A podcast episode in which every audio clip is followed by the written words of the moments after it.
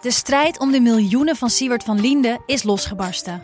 Zowel de staat als zijn stichting eisen de mondkapjeswinst terug. Maar dat die opbrengst in ieder geval niet thuis hoort bij Van Linde, daarover kan toch eigenlijk geen twijfel bestaan. Hoe kon het zo ver komen? Dit is het. We hebben beet. En als Siewert het geld teruggeeft, kunnen wij dit schandaal dan eindelijk loslaten? Je hoort het in de Mondkapjesmiljonairs, exclusief bij Podimo.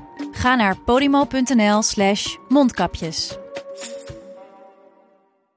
AI. Extraordinary. Iedereen heeft het erover. Noem dit mijn cynische geest, maar ik ga dan gelijk denken: oké, waar kun je het allemaal voor misbruiken? Maar er gebeurt zoveel. Dat kun je toch niet bijhouden? Jawel. Want er is Poki, een podcast over kunstmatige intelligentie waarin ik praat met supernerd Alexander Klupping Je kijkt me nu aan een soort van hoezo misbruik. en techfilosoof Wietse Hagen Kunnen we dit normaliseren? Willen we dit normaliseren? over de wondere wereld van AI. Do you like me? Status error. Luister, Poki. Ik ga nu ophangen. Bedankt. Vind je dit een leuke podcast? Luister dan ook naar Veldheren Historisch. Die maak ik, Mart Kruif, samen met mijn zoon en geschiedenisleraar Tom de Kruif. Je hoort het al, wij doen dingen die je bij andere podcasten niet hoort. Oftewel, to boldly go where no one has been before. Zo behandelen we ook de slag om Alesia, waar Julius Caesar van twee kanten door de Galliërs werd aangevallen. Hij zou zo'n 1 miljoen Galliërs hebben uitgemoord. En Asterix en Obelix klopt niet. Zeker, en zo bespreken we ook markante veldheren en legendarische veldslagen uit de geschiedenis. Zo kom je bijvoorbeeld te leren waarom het jaar 1870 misschien wel het belangrijkste jaartal is in de geschiedenis. Luister dus Veldheren Historisch via Podimo. En als je je aanmeldt via podimo.nl slash Historisch. Dan luister je 30 dagen gratis. Media. Op 24 februari 2022 viel Rusland Oekraïne binnen. Het begin van de grootste oorlog op ons continent sinds 1945. In deze podcast ga ik, Jos de Groot, wekelijks voorbij de frontlijn met twee generaals buiten dienst. Peter van Um en Mart de Kruif. Mannen met een duidelijke missie. Zij leggen jou uit hoe oorlog werkt. Iedere aflevering kijken we met hun ogen naar wat er nu gaande is op het strijdtoneel en gaan we dieper in op één thema. Vandaag is dat de Russische manier van oorlog voeren. Want hoe denken de Russen? Je luistert naar Veldheren. Ik zit aan tafel met twee mannen van statuur. Peter van Um, Marten Kuif. Eh, het is aflevering 2, maar voor mij nog steeds bijzonder en eervol om hier wekelijks met jullie in gesprek te gaan over een van de grootste verhalen van deze tijd, de oorlog in Oekraïne. Voor de nieuwe luisteraar nog even ter introductie. Marten Kuif van 2011 tot 2016 gediend als commandant landstrijdkrachten. Ervaring op missies, bijvoorbeeld in Bosnië en Afghanistan, waar jij commandant was van 45.000 militairen. Peter van Um, ietsje hoger in rang. Van 2008 tot 2012 de hoogste militair van Nederland als commandant der strijdkrachten. Ook uitgezonden geweest onder meer naar Libanon en eh, voormalig Joegoslavië. Peter, voor we naar de actualiteit gaan, jij kijkt terug op 40 dienstjaren. Wat is de belangrijkste les die jij uit die tijd hebt meegenomen? Nou, die is eigenlijk heel simpel. Geweld leidt altijd tot ellende, altijd tot verliezers. Dus geweld moet het laatste middel zijn wat je wil inzetten. En met die, met die les indachtig kijk jij dan nu naar een oorlog in Europa? Ja, helaas eh, heeft Poetin besloten om eh, toch geweld in te zetten. Eh, misschien gaat hij weer leren dat hij dan ook veel verliest. Mart, als ik jou dezelfde vraag stel, belangrijkste les van al die jaren in de krijgsmacht? Dan zou ik zeggen dat eh, succes in een eh, oorlog wordt vooral bepaald door de mensen. Door het leiderschap, door de motivatie. Dat geeft altijd de doorslag. Maakt niet uit in welke, welke eeuw we zijn, in welk, elk, welk land. Nee, nee, kijk, je kunt natuurlijk niet met één vuist boksen tegen 100 tanks. Dus je moet wel moet je de middelen hebben. Maar doorslag heeft is altijd, wij noemen dat dan de mentale competent. Oftewel, hoe zit het tussen de oren? Ja, ja, ja. Ehm, wij hebben vorige week ehm, ons mailadres eh, eh, gezegd in de podcast. Er zijn veel eh, vragen opgekomen. Het lijkt me ook mooi om even een vraag van een luisteraar te behandelen. Davy van Kessel stuurde ons een mail. Hij is zelf schutter geweest van een Leopard 2A6 en boordschutter van een CV90. Ja, dan beginnen wij allebei al eh, heel Ja. eh, vrolijk naar elkaar te CV90, kijken. ik weet niet wat dat betekent. Dat is een uh, panzerinfanterie eh, voertuig. Het verschil tussen een tank en een panzerinfanterie voertuig is een panzerinfanterie voertuig. Daar zitten niet alleen een schutter en een commandant en een chauffeur in, maar ook nog eens zeven infanteristen achterin. eh, en die kunnen met een tank meerijden en de tank beschermen als het nodig is. Ja, precies. Dan gaat de klep open en dan kunnen ze eruit. En dan, eh, kijk, Ja, en, en voor de luisteraars dan ook, eh, eh, ook zo'n voertuig heeft een kanon, maar van veel kleiner kaliber Ja. dan een tank.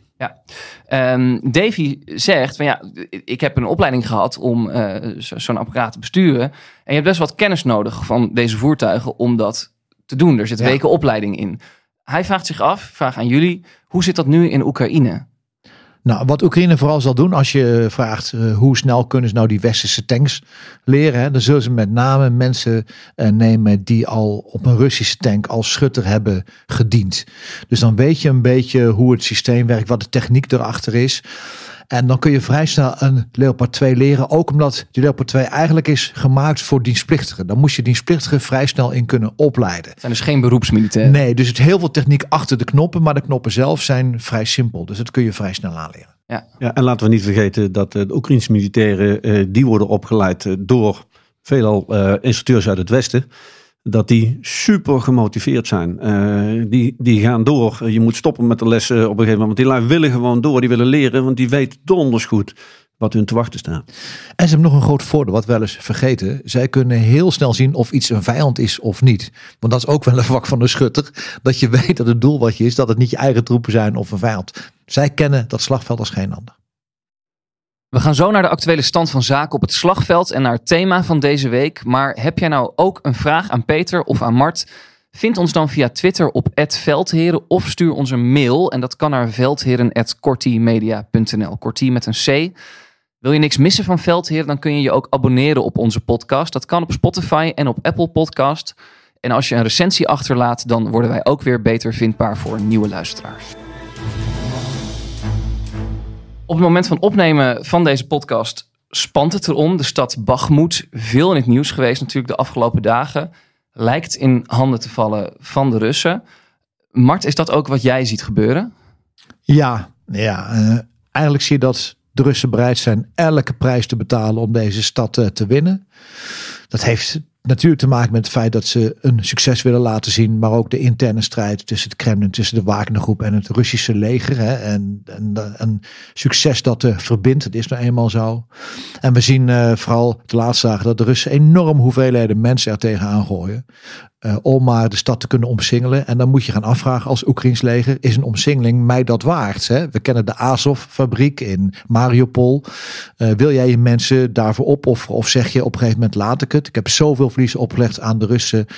De tactische waarde van het stadje zelf is niet al te groot. Dus het is niet een hele belangrijke stad in eh, de frontlijn. Moet ik mijn mensen gaan terughalen? Dat begrijp ik dus niet zo goed. Je, je- zegt eigenlijk redelijk eenvoudig, ja, het is niet zo'n hele belangrijke stad, Nee, nee. tactisch gezien. Maar waarom wordt er dan al weken om gevochten? Gaan daar duizenden soldaten dood? Ja, dat is het rare van de oorlog. De symboliek. Het is een beetje het eh, Verdun van de Eerste Wereldoorlog. Hè, Mhm. Waar in 1916 de Duitsers zeggen, nou we gaan dat stadje aanvallen. En de Fransen zeiden, wij gaan die stad niet laten vallen. En uiteindelijk zijn er 750.000 mensen dood of gewond binnen negen maanden. Waarom? Omdat geen van de beide partijen wil verliezen. Dus de symbolische waarde van zo'n stadje wordt veel groter dan de militaire waarde. Het wordt gewoon eigenlijk een wedstrijdje verre plassen. Hè. Ik geef niet toe, wat er ook gebeurt. Ja. Eh, en dat loopt op dit moment op een gegeven moment moet je zeggen als Oekraïne, als de prijs te hoog wordt, dan moet daarmee stoppen. Want ons belang in de oorlog ligt niet bij Bakhmut. Ons belang in de oorlog ligt straks in dat tegenoffensief wat we willen gaan doen. Ja, het is natuurlijk eh, heel cru. Maar de winst voor de Oekraïners van het gevecht bij Bakhmut is, is dat de Russen hier heel veel voor opofferen. En alles wat de Russen verliezen in Bakhmut en inzetten bij Bakhmut, kunnen ze nergens anders gebruiken. En eh, dat is dan ja, het, het positieve. Dat klinkt natuurlijk heel vreemd in zo'n situatie. Ja. Maar het positieve voor de Oekraïners.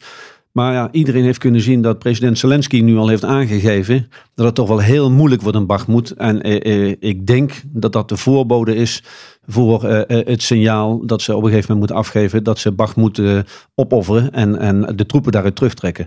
Daar moeten ze niet te lang meer mee wachten, want eh, de omsingeling zie je al duidelijk eh, tot stand komen.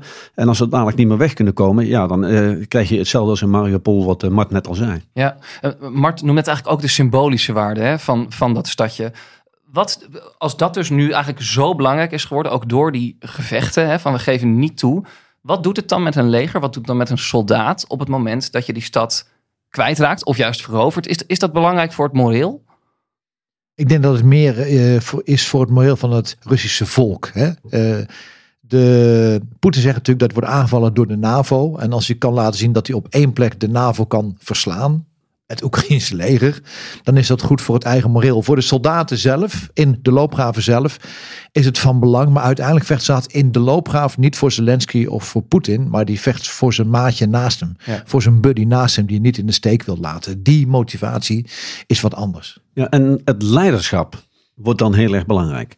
En als het leiderschap op zo'n moment een, eh, wat negatieve teneur aanslaat, de kop een beetje laat hangen, dan zullen de soldaten dat ook doen. Maar als het leiderschap zegt, nou, uitlegt waarom dit gebeurd is en waarom ze uiteindelijk die stad loslaten, eh, aan de Oekraïnse kant dan, eh, maar we gaan ervoor en we blijven ervoor gaan, eh, dan, dan kan het zelfs een positief effect op je moreel hebben. Dus, dus dat leiderschap, ook in die loopgraven, in de eenheden, is van cruciaal belang. Ik zag deze week, ik denk dat veel mensen dat hebben gezien. Er waren, een drone was over Bagmoed gevlogen en die had met een, met een camera gefilmd hoe, hoe dat er nu uitziet. Het is echt totale verwoesting. Peters juist kunnen uitleggen wat gebeurt er eigenlijk, hoe ziet het eigenlijk uit op het moment dat een stad wordt belegerd? Als een stad wordt belegerd, dan, eh, als je een echte belegering hebt, dan is die heel, bijna helemaal omzingeld. En kun je dus geen kant meer op. En word je dus gedwongen eh, om te vechten voor je leven of je op, over te geven. Maar voor de enkele burger die daar nog is, moet je je proberen voor te stellen. Die mensen zitten ergens in een kelder of zo. Eh, hopelijk hebben ze eh, eten, drinken eh, en spullen om zich warm te houden bij zich. Dat was ook bij Azovstal natuurlijk, Ja, wat Mark ja. net vertelde. Ja. Ja, en als ze de straat op gaan, ja, dan is het dus gewoon heel erg gevaarlijk. Kijk, zit je in een kelder, dan kun je alleen eigenlijk door een directe treffer, ja, kun je geraakt worden. Die kans is relatief klein. Maar als je de straat op gaat, ja, en er wordt om je heen geschoten, dan, dan spat allerlei grind, gruis, scherven spatten rond. Dan is de kans dat je getroffen wordt vele malen groter. Maar ook die mensen zullen af en toe gewoon hun bescherming uit moeten. Dus die mensen leven voortdurend, en ook die militairen leven wel in doodsangst. En, en dan toch, hè, ik, ik zag die beelden van een verwoeste stad. Dan stel Rusland het ver- verovert het. Wat heb je dan eigenlijk? Dan heb je, heb je eh, het is puin. Ja, nee, nee eh, sociaal-economisch kun je daar helemaal niets mee. Nee. Ehm, maar het gaat hier om eh, prestige. Als we een dikke 100 kilometer naar het oosten kijken vanaf Bakhmut, dan komen we eigenlijk in de regio Luhansk. Mart, jij zei vorige week, eh, ik, ik ga letten op die regio. Want ik zie daar dat er drie grote Russische eenheden van 10.000 man zich verzamelen. Wat, wat is daar gebeurd in de afgelopen week? Nou, ik zie eigenlijk dat zeg maar, delen van die drie grote eenheden worden ingezet in eh, de frontlijn. Die moeten nu eigenlijk zorgen dat je een bres krijgt in de verdediging van Oekraïne. Dat betekent dat je dus straks minder vermogen hebt. Die drie eenheden worden kleiner. Om als je eenmaal die inbraak en die doorbraak hebt. Om ook snel die uitbraak te doen. Dus zo snel mogelijk veel terrein te kunnen winnen. Dus je ziet wel dat de opbouw van het offensief nog niet zo lukt. Maar volgens mij heeft het ook te maken met het feit dat ze zoveel mensen moeten opofferen. Wat Peter al zei. Om überhaupt eh Bakhmut te kunnen nemen. Waardoor je eigenlijk massa mist. En Russen denken altijd in massa. Die proberen altijd door te breken door massa te creëren. En dan met een overweldigend geweld. Dat zien we nu ook weer in Bakhmut. Om daar een tegenstander proberen op de knieën te krijgen. En een brest te vermeren. En dat, dat, dat komt gewoon... Daar komt geen gang in. En ik denk dat een van de redenen daarvoor is... de gevechten bij Bakhmut die duren al zo lang. Dat gaat denk ik het offensief van de Russen op den duur gewoon hinderen. Ja, ik hoorde Zelensky deze week ook zeggen van we, we, we willen ook daar blijven vechten. Omdat dat inderdaad, het kost de Russen gewoon materiaal. Het kost ze mensen. Dus we, we, blijven vechten.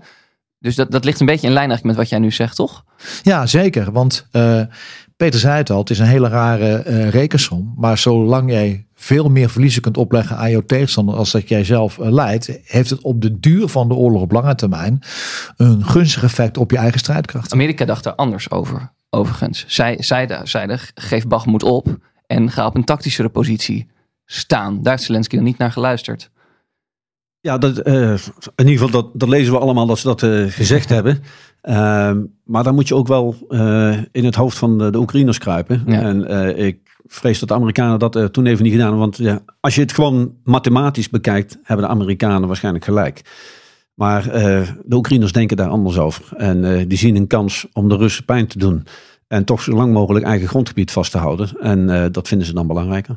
Nog één belangrijk ding van deze week. Ehm, er gebeurde iets in Minsk, Ja. Wit-Rusland. Peter, kun jij uitleggen wat we daar hebben gezien? Ja, dat was eigenlijk wel bijzonder. Want in Wit-Rusland is eigenlijk vrede. Ehm, daar zitten wel een hoop Russen, maar het is rustig. En ehm, ja, recentelijk is daar dus een eh, Russisch vliegtuig, eh, en niet zomaar een vliegtuig, is daar door drones aangevallen. Eh, ik denk dat alle mensen wel het beeld hebben van zo'n groot vliegtuig met zo'n schotel op zijn rug. Dat heeft iedereen denk ik wel eens een keer op een plaatje gezien of zelfs zien vliegen. Nou, zo'n soort ding. En die zijn ervoor om te waarschuwen met die radar, maar ook om eigen gevechtsvliegtuigen in een luchtgevecht eventueel aan te sturen. En zo'n vliegtuig stond dus op het vliegveld vlakbij Minsk. En dat is dus door drones aangevallen en behoorlijk beschadigd. eh, en is, zoals men eh, nu zegt, eh, niet operationeel. En dat is dus opmerkelijk, omdat we in Wit-Rusland zijn. Ja, want er zijn in Wit-Rusland, vlakbij Minsk. En naar men zegt, is het gedaan door oppositie uit Wit-Rusland. En die lui zouden al inmiddels het land hebben verlaten.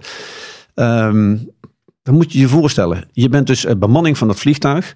Ehm, je moet af en toe de lucht in, maar voor de rest zit je keurig eh, in een officiershotel of in een legering. Je drinkt s'avonds een biertje. Eigenlijk kom je eh, vanuit een vredessituatie, word je nu keihard geconfronteerd met de oorlog. En is het spelletje eh, toch eh, niet zo makkelijk als dat jij waarschijnlijk dacht. En dit soort dingen geeft dus aan dat de Russen nergens veilig zijn. En acht jij het geloofwaardig dat dat inderdaad van een oppositie afkomstig is? Of zou het ook de Oekraïners kunnen zijn? Nou ja, dit, dit, ik, ik, ik steek mijn hand er niet voor in het Nee. vuur. Eh, de Oekraïners eh, hebben volgens mij al eh, eerder laten zien, denk aan de brug naar de Krim toe, eh, dat ze in staat zijn om diep achter de frontlinie toch de Russen te raken. Russische vliegvelden hebben ze ook al getroffen. En eh, de Oekraïners zijn eh, wijs genoeg om daar eh, in de media en goed mee om te gaan. Door lekker in het ongewisse te laten wie dat gedaan heeft.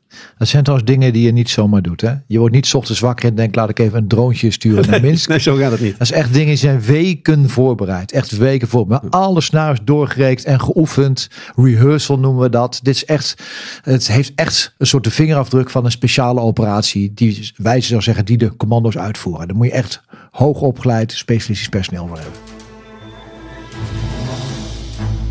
Hoe denken de Russen? Het thema van deze week. Wat is de Russische doctrine? En kunnen we door de Russische krijgsgeschiedenis beter begrijpen wat er nu gebeurt in Oekraïne? We hebben natuurlijk de afgelopen twee weken al die ongelooflijk hoge, angstaanjagende cijfers gehoord. Duizend Russische soldaten zouden sterven per dag. Op een gegeven moment was er een bericht: 2000 Russische soldaten zouden sterven per 100 meter terreinwinst. Er staan dan natuurlijk ook honderden Oekraïense dodelijke slachtoffers tegenover. Als jullie dat soort cijfers horen, wat, wat doet dat met jullie? Ja, allereerst, ik vind het verschrikkelijk. Eh, ik heb het al eh, vaker gezegd. eh, in de oorlog zijn er eigenlijk geen winnaars, er zijn alleen maar verliezers. En ja, ik blijf, blijf dan toch denken aan al die families die achter die militairen zitten. Ehm, en, en, waarvoor? En al- als je dat wil begrijpen, moet je eerst naar het land en naar het volk kijken. Eh, en laten we bij, bij Nederland beginnen. Wij praten altijd over polderen. Hoe komt dat? Omdat wij in onze geschiedenis altijd tegen het water hebben moeten vechten. En dat moesten we samen doen. Dus we gingen eerst om de tafel zitten van hoe gaan we dit probleem aanpakken. Dus de geschiedenis en de geografie en de ligging van een land zijn heel maatgevend voor hoe een volk en een land eh, denkt en handelt. En als je vanuit dat oogpunt naar Rusland kijkt, dan eh, nou gaan we nu met hele grote stappen er weliswaar overheen.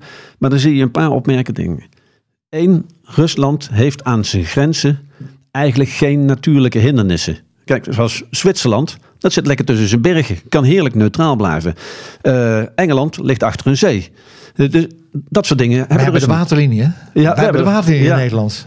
Eh, maar- Niet te onderschatten. Ja, maar dus de Russen hadden geen natuurlijke grenzen die vijanden tegenhielden. Dus de Russen hebben in hun geschiedenis altijd geprobeerd om wat over hun grenzen heen land te pakken. Want als ze dan land moesten inruilen uh, bij een verrassingsaanval van een tegenstander, dan was het in ieder geval nog het land wat niet tot hun kern van hun eigen land hoorde. Ja? En uh, ruimte inruilen, ja, de Russen hebben zoveel ruimte. Hè, geografie van het land. Als je echt van helemaal links naar helemaal rechts tot in Azië gaat, heb je elf tijdzones in Rusland. Ja. ja. Nou willen ze, uh, veelal kijken ze naar het Europese deel, dat is tot aan de Oeral. Maar vanaf de Oekraïnse grens, ja, dat is een afstand die net zo groot is als dat je ongeveer van Amsterdam naar Madrid gaat. Even uh, gewoon om, om maar een beeld te geven. Dus de Russen hebben altijd geleerd om ruimte weg te geven om uiteindelijk een situatie te creëren waarmee zij uh, in, in, beter zitten dan hun, hun tegenstander. En er is nog een vreemd ding in hun geschiedenis. En dan komen we ook bij waar we, waar we net over spraken. De Russische uh, leiders hebben altijd een hele grote centrale sturing gehad op dat hele grote land. En die leiders die hadden amper zicht over wat er in het, in het grote land gebeurde. En nog sterker, het interesseerde ze eigenlijk ook niet. Want het tsaar zag gewoon de bevolking als zijn lijfeigene. En in de communistische tijd was het de centrale leiding die alles bepaalde. En de enkele burger deed er niet toe. Dus dat heeft ook wel uh, in het Russische denken de waarde bepaald van het leven van het individu. En dat is over een paar honderd jaar geleden en er is dus niks veranderd. Mart, kun jij er een voorstelling van maken? Nee, dat zijn zulke aantallen. Dat kun je ook niet voorstellen. En het is maar goed ook dat je dat niet ook... Uh, kunt voorstellen. Maar het is wel typisch voor uh, de wijze waarop de Russen door de eeuwen heen denken over oorlog. Hè? Massa, het gebruik van massa, heel veel mensen om je doel te bereiken. Dus eigenlijk weinig waarde geven aan een mensenleven als je doel maar bereikt. Dat is wel door de geschiedenis heen heel typerend voor het Russische militaire denken. En dat zien we voortgezet worden nu in de strijd om uh, uh, Bakhmut. Dus dat massa, dat is cruciaal. Het tweede. is, dat, is dat massa in, echt in mensen? Mensen erop afsturen? Niet alleen massa in mensen, ook in uh, materiaal. We vergeten wel eens dat de Tweede Wereldoorlog. Uh, ah, de Verenigde Staten door de leen- en pachtwet. enorm hoeveelheden materiaal naar Rusland hebben gebracht. Om te zorgen dat Rusland die oorlog zou kunnen blijven uh, voeren. Dus het is massaliteit. Niet alleen met mensen, maar ook met bijvoorbeeld met artillerie, met kanonnen, met ja. raketten die massaal inzetten. En eigenlijk een tegenstander niet proberen te uitmanoeuvreren, zoals wij het noemen. Dus proberen achter hem te komen of zijn bewaarslijn af te zijn. Nee, je gaat er dwars doorheen. Ja, we, en met al het geld wat nodig is. Als militair hebben we er gewoon ook woorden voor. Hè? Het is het slijten van de tegenstander. Het verzadigen van de verdediging uh, van, van de tegenstander. Dus, uh, en dat is wat de Russen in wezen doen. Dus dat is massaliteit. Ja, dat is massaliteit. Het tweede is dat ze eigenlijk al hun eenheden sinds 1917 uh, in de hoogste staat van paraatheid willen hebben. Zoals wij het noemen. Dat wil zeggen de eenheden zijn altijd opgeleid. Ook met dienstplichtigen. Waarom? De Russen willen heel snel hun eenheden kunnen inzetten. Om niet verrast te worden, dat is één. Maar om ook om de tegenstander te kunnen verrassen. Dus als ze mobiliseren, is dat eigenlijk een teken dat er wat fout is gegaan ergens. Nou, we hebben gezien in 1956 in Hongarije dat ze heel snel konden binnenvallen. We hebben in 1967 gezien in Tsjechoslowakije dat ze heel snel konden binnenvallen. Dat is een tweede van de Russen. Dus altijd paraat zijn, altijd je eenheden als je op de fluit blaast morgen de poort uit kunnen doen. Wij hebben dat niet. Nee, wij hebben een soort ritme waarin we eenheden uh, bij toerbeurt naar een hoog niveau van oefenen brengen. Ook omdat dat heel veel geld en oefentrein en inspanningen uh, kost. Je kunt niet alles op een heel hoog niveau van paraat hebben. Dat kost echt klauw van het geld. Oké. Okay. En, dat, en dat denken uh, leidt ook tot iets anders dan bij ons. Als wij in het Westen een nieuw voertuig of een nieuwe tank hebben, dan stoten we de oude af. Dat betekent die verkopen we of hij wordt verschroot. Dat doen de Russen niet. De Russen zetten hun oude spullen dus gewoon in, in, in loodsen en schuren en bewaren die gewoon. Die komen dus, er nu weer uit. Uh, uh, die kunnen ze altijd nog een keer gebruiken. Dus die hebben nog duizenden, echt duizenden oude tanks hebben ze nog steeds staan. Ja. Dan hebben we de massaliteit, de altijd parate gereden vecht, vechteenheden. Ja, en, en wat ze heel sterk doen is dat ze proberen vooruit te denken. Dus niet de lessen leren uit de laatste oorlog, maar nadenken hoe ziet een volgende oorlog daaruit. Wij noemen dat met een mooi woord operational art. Dat zal ik uitleggen. Je hebt politieke doeleinden, dat noemen we dan het strategisch niveau. Je hebt onderaan de mannen in de modder, noemen we het tactisch niveau. Die geven militaire opdrachten. Maar hoe vertaal je nou die politieke doeleinden naar een militaire opdracht. Dat noemen we het operationele niveau. We hebben de discussie gehad over is het nou een vechtmissie of een opbouwmissie. Dat niveau praat je dan over. En ehm, daar komt de operational art. Dus hoe kun je invreten in de geest van hoe jouw tegenstander denkt. En hoe kun je hem eigenlijk voor de gek houden. En een heel mooi voorbeeld waar de Russen dat heel goed konden was 1812. Napoleon die met 450.000 mensen Rusland binnentrekt. Denk ga ik even veroveren. En wat hem verbaast na een week en na twee weken is dat de Russen niet vechten. De Russen vechten niet, branden alles plat en vechten niet. En die blijven maar terugtrekken. Waarom? Kutuzov, de baas van de Russen, die zegt ik ga niet vechten tegen Napoleon. Elke veldslag die verlies ik. Wat ik wel kan doen, is ik kan het terrein en die ruimte die we hebben, kan ik prijsgeven. Die aanvoerlijnen voor de Fransen worden steeds langer. Trouwens, niet alleen Fransen, ook Nederlanders en, en Duitsers en noem maar op. Die worden steeds uh, langer. Ik ga één keer vechten, net voor Moskou. Dat heeft hij gedaan om het Frans leger te slijten, wat uh, Peter net zei. En vervolgens, eind, eind oktober, staat uh, Napoleon in Moskou in een lege stad en heeft geen eten meer. Heeft geen voorgaan meer, dus moet hij terug. En vervolgens grijpen de Russen hem dan wel aan. Dan vallen ze hem wel aan. En uiteindelijk komen van die 450.000 soldaten, komen er 50.000 terug. Ja. 1 op de 9. Dat is best wel bizar. Dus daar zie je, hey, hoe denk ik me in? In mijn tegenstander, Napoleon wil vechten, dan ga ik niet vechten. Ga ik dat ontwijken. Dat is die operational art waar de Russen altijd goed in zijn geweest. Maar, maar nu... Maar dat is veranderd. Ja, dat zien we nu eigenlijk niet. Nu zijn ze heel mathematisch eh, bezig. Hè? Dat zie je, weer die massa gebruiken. En hoe komt dat? Als je je tegenstander onderschat. En dat doen ze eigenlijk vanaf het begin van de oorlog. En je vreet je dus niet in, in de geest van de tegenstander, hoe die denkt. Ja, dan moet jij reageren op wat jouw tegenstander doet. Dan sta je eigenlijk op achterstand. En van het, vanaf het begin van de oorlog is dat zo. Rusland onderschat de tegenstander. Maar dat begrijp ik dan toch niet. Want je, je, je legt het verhaal van Napoleon prachtig uit. En ik denk, ja briljant. Waarom, wat is er dan veranderd? We blijven nu maar duizenden soldaten de vuurlinie insturen, sterven bij bosjes. Ja, als je het, als je het succes hebt wat de Russen afgelopen tien jaar hebben gehad in Syrië eh, eh, bijvoorbeeld, dan ga je denken, hé hey jongens, het klopt allemaal. Hè? Mijn doctrine klopt.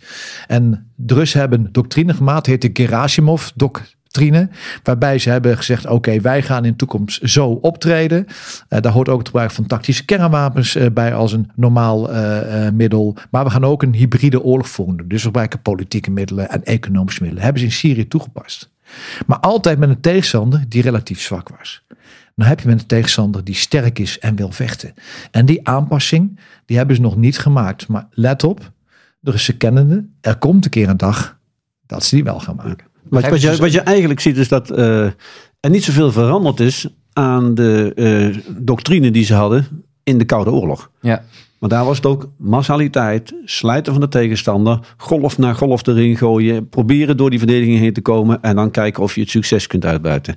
Dus zo, zoveel is niet veranderd. En wat, wat Mart, jij zegt het hier in, in een tussenzinnetje. De tactische maar, kernwapens. Uh, ja, dat tactische ja. kernwapen. Maar dat is wel een hele opmerkelijke wijziging in hun doctrine. Zij zeggen dus dat als je een klein nucleair wapen, een klein kernwapen op het slagveld inzet, dan heeft dat geen strategische gevolgen. Nou, en dat is natuurlijk volslagen bullshit. Want ieder eerste inzet van een kernwapen heeft grote gevolgen voor de hele wereld en heeft dus strategische consequenties. Maar als jij daar zelf in gaat geloven dat dat zo is, dan wordt de drempel om zo'n wapen in te zetten natuurlijk wel kleiner. Hebben we eigenlijk, Peter, um, die Russische doctrine waar we nu, het nu over hebben, hebben we daarvan in deze oorlog een voorbeeld gezien? Nou ja, dan pak ik toch een voorbeeld uh, wat ik heel erg typerend vind. En dat heeft niet alleen met de doctrine te maken, maar heeft ook met het leiderschap te maken. In mei vorig jaar uh, probeerden de Russen de rivier de Donetsk over uh, te gaan. En militairen weten dat de rivierovergang is een van de moeilijkste dingen. Want je moet zoveel orchestreren. Je moet zoveel klaarzetten aan, aan, aan, voorwaarden voordat je überhaupt die rivier over kunt. Je bent dan heel erg kwetsbaar. Dus uh, ja, dat is een hele moeilijke, complexe klus. En zij willen die rivier over. Nou, de Oekraïners reageren daar ja, militair technisch fantastisch op. En geven de Russen een gigantische knal voor hun kop honderden doden, tegen de honderd voertuigen uiteindelijk ja, vernietigd. Dus het lukt niet. Volgende dag proberen de Russen het gewoon weer opnieuw. En daarna proberen ze het nog een keer. Dus ja, dat geeft aan golf na golf eh, leiders die alleen maar uitvoeren, niet denken, die gewoon een opdracht krijgen. Jij gaat de rivier over en dat moet daar gebeuren. En dus eh, stoten ze gewoon dan maar drie keer of twee keer hun hoofd. Terwijl jij dus tegelijkertijd zegt, elke militair weet een rivier oversteken, dat is een van de moeilijkste dingen die Ja. er is. En toch gaat het op deze manier. En, en toch eh, blijven ze dan op dat punt gaan. Terwijl de Oekraïners, laten we dat vooral niet vergeten, die komen ook van een Sovjet-Unie geschiedenis. Mhm. Die zijn groot geworden met die Russische doctrine. Ja. Ja. dus die kennen die doctrine door en door. Alleen, ze hebben wel geleerd. En zijn na eh, 2014 eh, zijn ze wel naar het westen toegekeerd. En hebben gezegd van jongens, help ons. En ze hebben dus een andere doctrine ontwikkeld. En ook een andere vorm van leiderschap hebben ze ontwikkeld. En die Oekraïense leiders, die mogen wel initiatief tonen. Die mogen wel wat wij militairen manoeuvreren noemen. Dat is gewoon creativiteit in je kop. Manoeuvreren zit niet in je auto's of in je voertuigen. Dat zit in het hoofd van je, van je leidinggevende en van je militairen. En zij hebben daar laten zien hoe ze ja, heel creatief, met initiatief, met lef, uiteindelijk eh, de Russen eh, tegen hebben gehouden. Ik zie dan een soort eh, voetbaltrainer. Hè? Je hebt trainers die staan langs de kant voortdurend te schreeuwen. De hele wedstrijd door wat spelers moeten doen. De echte toptrainers die doen dat nooit. En die zeggen in de rust twee of drie dingen omdat ze denken. Als mijn spelers zelf denken zijn ze altijd sneller. Ja. Nou dat is nou het verschil tussen het Russische leger en het Oekraïnse leger. Wij, wij kregen over dit onderwerp ook een vraag van een luisteraar. Eh, Henk Koehoorn stuurde ons een mail. En hij vraagt zich af: is het Russische leger überhaupt in staat om een moderne oorlog te voeren? Nou, daar valt even stilte. Ja. ja. Nee, de- op het gebied van de doctrine zijn ze dat wel. Op het gebied van materieel zijn ze dat ook. Ik denk dat we net het punt goed raakten. Dat op het gebied van het leiderschap moet je afvragen of ze, of ze, of ze dat kunnen. Hè. Wat wij zeggen, die vrijheid van handelen is eigenlijk geboren door de Duitsers in de Eerste Wereldoorlog. Want die zeiden met die loopgraven, dat schiet niet op. Hè. Aan het eind van de Eerste Wereldoorlog zeiden ze, we moeten het anders gaan doen. We moeten mensen op de grond vrijheid geven. Dat gebruiken we nu eigenlijk vandaag nog. En de Russen hebben die stap nog nooit gemaakt. Dus, dus de vraag is, een- is een hele goede. En ik denk dat het vooral zit op het gebied van leiderschap. En het vertrouwen in jouw mensen. Want eigenlijk is het vertrouwen in jouw mensen. Dat als zij begrijpen wat jij wilt. Dat ze altijd het goede doen. Wat de omstandigheden ook zijn. Maar, maar als je kijkt naar de afgelopen periode. Russische commandanten mogen geen nederlagen leiden. Mogen geen fouten maken. En als er iets fout gaat, ligt het in ieder geval niet aan de politieke leiding. Maar dan krijgen die commandanten eh, het op hun, op hun brood. Ja. En worden dan dus verwijderd van hun commando. Als je op zo'n manier met je leidinggevende omgaat, moet je ook niet verwachten dat die hun nek uit gaan steken en allerlei eh, creatieve andere dingen gaan doen. Dus we zullen de komende tijd zien of de Russen echt hebben geleerd van het afgelopen jaar. Eh, en of ze eh, toch in staat zijn om daar dingen om te zetten, leidinggevende de ruimte te geven. Dan, eh, ja, dan zou het misschien voor de Russen beter gaan. Maar ik zie de eerste tekenen daar nog niet echt van. Maar Mart, jij, jij zei vorige week in deze podcast resoluut: Rusland gaat deze oorlog niet meer winnen. Als ik even meega in die verwachting, wat zou dat dan kunnen betekenen? Is dat inderdaad die doctrine die misschien toch aan verandering onderhevig gaat zijn, zijn straks? Nog even heel kort terug op eh, het vorige punt. Zien dat heel veel jonge Russische officieren sneuvelen. Dat zijn namelijk de mannen die het moeten uitvoeren. Ongekende aantallen jonge Russische officieren. En ik denk dat ze deze oorlog op, in deze fase niet gaan winnen. Omdat ze niet in staat zijn om snel die een andere stijl van leiderschap in te gaan voeren. En heel veel materieel daarvoor verliezen. En heel veel mensen verliezen. Maar let op, door de eeuwen heen hebben de Russen ook laten zien dat ze heel snel kunnen leren. De klappen die ze kregen in 1941 en 42 van de Duitsers hebben ze heel snel omgezet in 1943 om anders op te gaan treden. En dat gaan ze ook de komende jaren doen. Dus zolang Poetin blijft zitten en de krijgsmacht eh, zo, zoals de Russen die nu hebben qua structuur en geraamte eh, intact blijft, zullen we zien dat de Russen de komende jaren eh, terugkomen. Dus deze fase van de oorlog gaan ze niet winnen, want die achterstand van leiderschap lopen ze niet in. Maar dat wil niet zeggen dat het zo blijft. Over vijf jaar komen ze sterker terug. Ik wil eigenlijk aan jou de, dezelfde vraag nog stellen als aan Mart. Zie jij Rusland deze oorlog nog winnen? Nee, eh, ik ben het wat dat betreft helemaal met, eh, met Mart eens. Eh, zoals de situatie nu is, eh, gaan de Russen hem niet winnen. Maar ja, ik blijf het zeggen. Wat is winst? Ik hoor jou vaker opgooien, Peter. Wat is winst? Kun je die vraag ook beantwoorden? Ja, vanuit het Russisch perspectief eh, hebben ze nu als winst misschien dadelijk eh, een stuk van de Donbass kapotgeschoten. Bijna niemand woont er meer. Een en al ellende. Ze hebben een landbrug naar de Krim. Nou, dat is dan de winst. Maar ten koste van wat? Zoveel mensen dood, zoveel mensen gewond. Die kapotgespoten gebieden waar je economisch niets mee kunt. eh, waar je heel veel in moet investeren om dat weer eh, goed overeind te krijgen. En ze hebben een grens die voor beide kanten niet veilig is. En dat allemaal als gevolg van die Russische doctrine waar we het over hebben gehad. We hebben geprobeerd uit te vinden hoe het Russische leger denkt, hoe het in elkaar zit. Eh, we gaan kijken hoe zich dat de komende weken gaat uiten op het slagveld. Dan gaan we even kijken naar volgende week. We hebben het gehad vandaag over Bakhmut. Als die stad nou inderdaad in Russische handen valt, hoe verwachten jullie dat de strijd zich dan van daaruit verder zal gaan ontwikkelen? Ja, ik zei vorige week dat ik vooral keek naar de provincie Noord eh, van uh, Donetsk, Luhansk, hè, waar zeg maar de opmars van de Oekraïne eh, na het nemen van Kharkiv tot stand is eh, gekomen. Ik zie er heel veel gevechten in een, in een eh, lijn, die noemen ze dan de Svatovsk-Kremina-lijn. Dus eigenlijk de lijn waar het Oekraïnse leger zich heeft ingegraven. En de Russen komen daar maar niet doorheen. Ik zie nog steeds die ene zitten, ze komen daar niet doorheen.